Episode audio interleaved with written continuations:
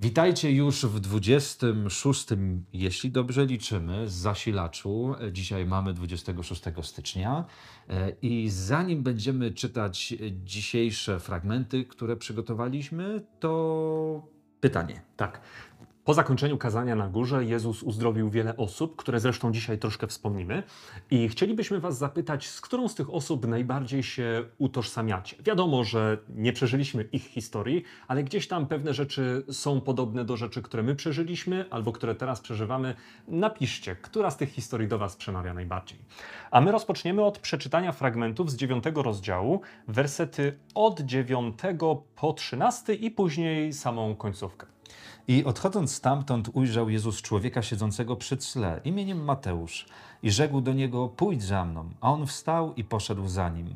A gdy Jezus siedział w domu za stołem, wielu celników i grzeszników przyszło i przysiedli się do Jezusa i uczniów Jego.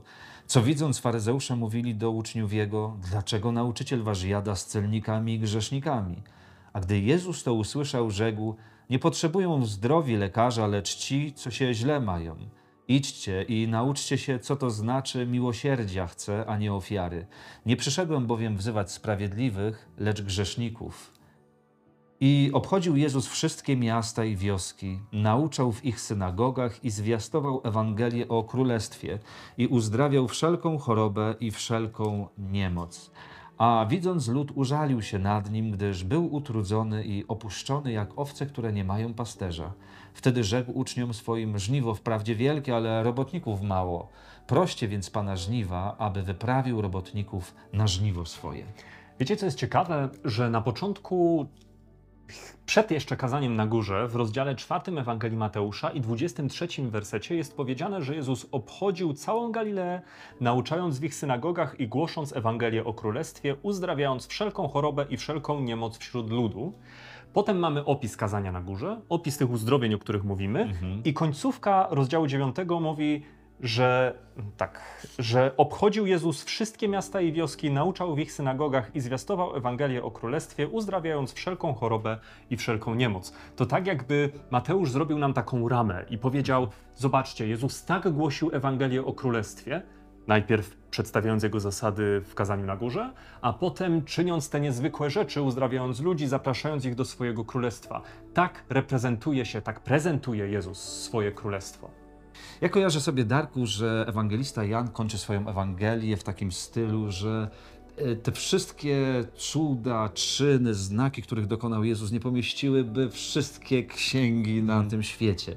I to jest bardzo zastanawiające, że e, ewangeliści z tych całych, e, z całego mnóstwa różnych historii, doświadczeń, właśnie wybierają i powtarzają w swoich Ewangeliach e, często właśnie te historie. Czy muszą mieć jakiś klucz, nie?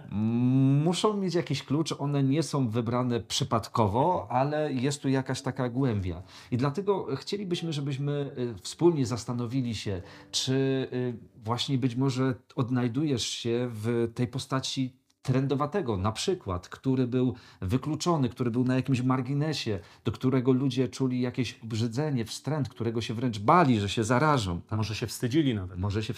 Tak. Może to jest twoja historia. Mhm. A może historia setnika, człowieka, który z jednej strony chciał brać udział w tym życiu religijnym. Wiemy, że zbudował synagogę dla Żydów, więc dawał coś od siebie, nawet dużo, a jednak w dużej mierze był wykluczony z tego funkcjonowania. Musiał stać z boku, gdzieś tam z tyłu, patrząc na to funkcjonowanie. Może chcesz przeżyć czegoś, e, coś więcej, coś głębszego, tak jak setnik, ale nie możesz. Może to jest twoja historia. A może twoją historia, historią jest to, czego doświadczała teściowa Szymona. Była to zwykła, prosta kobieta i wydaje się, że takich zwykłych, prostych ludzi jest najwięcej na świecie. I można by sobie zadać pytanie, czy Jezus dla nich wszystkich mm, może chce poświęcić swoją uwagę? Właśnie historia e, teściowej Szymona pokazuje, tak, Jezus jest właśnie dla tych zwykłych ludzi. Może historia teściowej Szymona to twoja historia. I on otworzył też królestwo przed tymi, którzy byli opętani. I jeśli spróbujemy wyobrazić sobie, czy ktoś mógł być w gorszym położeniu, to trudno znaleźć człowieka w gorszym położeniu niż ten, który był opętany, który był owładnięty przez złe duchy, który był niebezpieczny, którego ludzie się bali, który wyrządzał krzywdę, który był zły, który chciał wolności, jak przypuszczamy, ale nie mógł jej zyskać. Ale gdy spotkał się z Jezusem, wtedy Jezus dokonał tej zmiany, otworzył przed nim królestwo. Czy to jest Twoja historia? A być może najbardziej utożsamiasz się z człowiekiem chorym na paraliż, który nie tylko fizycznie był sparaliżowany, ale też duchowo, który nie potrafił zrobić jakiegoś kroku w stronę Jezusa, czy w ogóle nie potrafił zrobić e, kroku.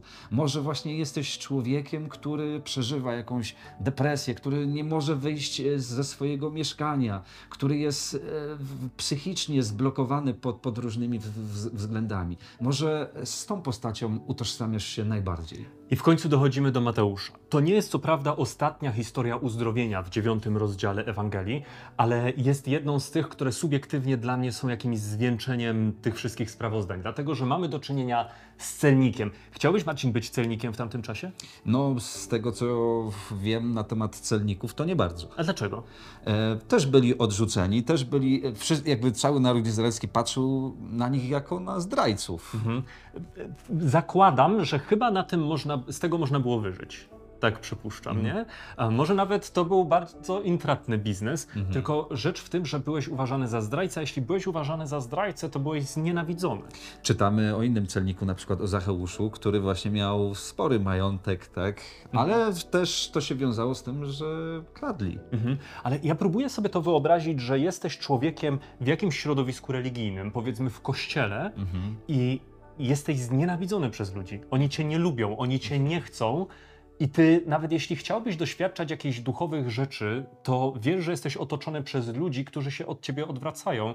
Oczywiście my nie mamy tu jakichś precyzyjnych sprawozdań, ale spodziewam się, że podobnie jak w przypadku trendowatego, człowiek, który był setnikiem, mógł raczej spodziewać się, że ze strony rodziny będzie też odrzucony, będzie, rodzina będzie się za niego wstydzić, będzie się może chciała go wyprzeć, no bo jest, no za- zajmuje się czymś bardzo niegodnym. Mhm. I Jezus do takiego człowieka przychodzi i mówi: Pójdź za mną. Jak wcześniej czytaliśmy o kilku sprawozdaniach, gdzie ludzie szukali wymówek, to co sobie mówiliśmy kilka odcinków wcześniej, to można zobaczyć, Mateusz nie robi żadnych wymówek.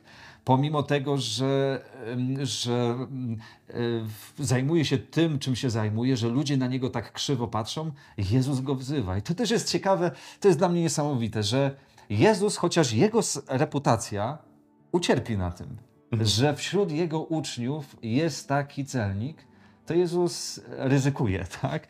Jezus bierze, bierze to- na siebie e, i przyłącza go do swojej grupy, no i dzięki temu w sumie mamy Ewangelię Mateusza. Wiesz, co jeszcze jest ciekawe, to że z wszystkich ewangelistów, którzy opisują to sprawozdanie, pozostali, gdy mówią o powołaniu setnika, e, celnika, nie używają imienia. Mówią po prostu, że Jezus powołał celnika. Jedynie Mateusz wspomina o tym, że to jest on. Przypuszczam, że może pozostali mm, obawiają się tego, że może ktoś zrobi mu krzywdę, może ktoś mu coś będzie mówił. Ja nie wiem, czy tak jest. Od razu tutaj jakby daję wolność interpretacyjną, ale tak się spodziewam. Ale Mateusz niezależnie Przyznaje się do tego. on się przyznaje. On mówi, tak, to jestem ja. I to jest dla mnie naprawdę niesamowite, bo wiesz, wcześniej być może się tego wstydził, być może w jakiś sposób e, no, nie chciał być rozpoznawany na ulicach, natomiast on później nie ma problemu, żeby właśnie wyznać to, żeby podpisać się swoim imieniem, tak, to, to ja tam e, byłem. I wiecie, tak sobie myślę, że jeżeli mamy na swoim sumieniu coś, czego się wstydzimy i, i jest nam z tym źle, to ta historia pokazuje, że kiedy doświadczymy Bożego przebaczenia, kiedy doświadczymy Bożej przemiany, to później często nie ma problemu, żeby wspominać o tym, tak? Tylko z tej perspektywy właśnie tak, Jezus uwolnił mnie od tego, Jezus przebaczył mi to, jestem innym człowiekiem. Dla mnie to jest, wiesz, niesamowite, kiedy na przykład ludzie, którzy wiem, uprawiali na przykład zoofilstwo, tak? Albo wtarzali się w najgorszych grzechach, oni teraz nie mają problemu, kiedy zostało im to przebaczone, kiedy uregulowali to z Jezusem, kiedy doświadczyli Jego przemiany, to e, nie mają problemu z tym, żeby na YouTube wstawiać takie filmiki, gdzie dzielą się swoim świadectwem, tak? Nie wiemy, czy nie mają problemu, ale to robią. Ale tak? to robią, no Bo to właśnie. może nie być łatwe, a jednak są gotowi to zrobić ze względu na to, że Jezus zrobił coś dla Tak, nich. bo to tym bardziej pokazuje tą cudowną łaskę Jezusa. tak? Ale to jest właśnie ciekawe, bo pasuje dobrze do tego, co tu jest dalej powiedziane, że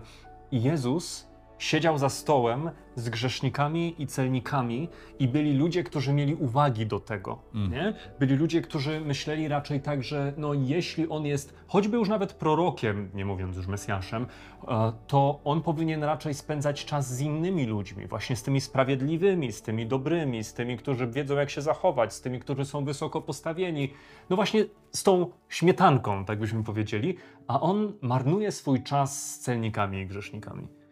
No Jezus, Jezus po prostu w tym jest niesamowity, że poświęca czas dla tych, dla których nikt się nie spodziewał, że poświęci czas. Nawet oni sami się tego nie spodziewali. Mhm. I kiedy Jezus był atakowany, to powiedział takie piękne zdanie: Nie potrzebują zdrowi lekarza, lecz ci, co się źle mają. Jezus jest lekarzem, Jezus jest lekarstwem na bolączki tego świata. E, I kiedy czytam te słowa, to przypomina mi się opis z księgi Ezechiela, gdzie w ostatnich rozdziałach prorok Ezechiel opisał świątynię przyszłości, z której wypływa e, woda, która uzdrawia wszystko dookoła, gdzie ona płynie, tam zaczyna się życie. W, w, na końcu wpada do Morza Martwego, gdzie nie ma życia i wszystko ożywia tam, tak? Są tam ryby i, i właśnie mm, Życie. po jest prostu życie, tak? Ale właśnie to jest tu opisane, nie? Pokazanie Tak. na górze. Jezus wchodzi tam, gdzie jest to, co jest martwe, co jest nieżywe, co, jest chore, odwrócone. tak. I on daje życie. On po prostu to wzbudza na nowo. I tam, gdzie była śmierć, tam pojawia się wreszcie życie. Cudowny jest Jezus. Jest. Która historia jest twoja? A może żadna? Może przeżywasz coś zupełnie niepasującego do tego, które, do tych, które są tutaj opisane? Nawet jeśli tak jest, to w tych wszystkich historiach, z nich wszystkich płynie taka lekcja, że skoro Jezus znajdował drogę do tych ludzi, otwierał przed nimi królestwo, On może znaleźć drogę do Twojego serca i otworzyć królestwo także przed Tobą. I to będzie temat naszej modlitwy, która teraz się rozpocznie.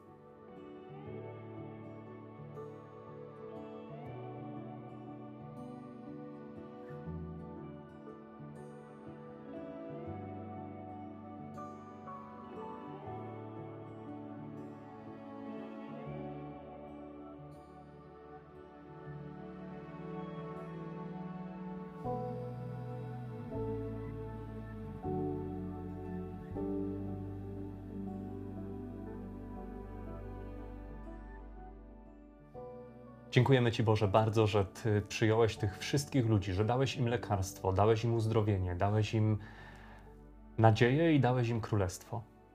I dziękujemy, że to samo, to wszystko chcesz dać też nam. Chcesz odpowiedzieć tym, którzy są odrzuceni, których inni się, których inni się wstydzą, którzy są znienawidzeni, którzy są daleko, którzy są obciążeni grzechem, którzy nie potrafią pójść do przodu, którzy nie mają siły, by podjąć ponownie decyzję, aby wrócić do Ciebie. Bardzo prosimy, Ojcze, żebyś do tych wszystkich osób, do nas wszystkich przemówił, żebyś przez tę historię mógł nas zachęcić, wzmocnić, abyśmy zaufali, zaufali obietnicom i poszli do przodu. I niech to wszystko stanie się ku Twojej chwale. Amen. Amen. Słuchajcie, jeżeli y, nie napiszecie, y, z którą postacią się utożsamiacie, no, stwierdzimy z Darkiem, że utożsamiacie się chyba z paralitykiem, którego, który nie może, którego blokuje coś, żeby, żeby y, napisać. Ale serdecznie zachęcamy do tego, żebyście pisali w komentarzach, lajkowali i serdecznie Was pozdrawiamy. Mamy nadzieję, że będziemy się widzieć też 27 stycznia z Bogiem.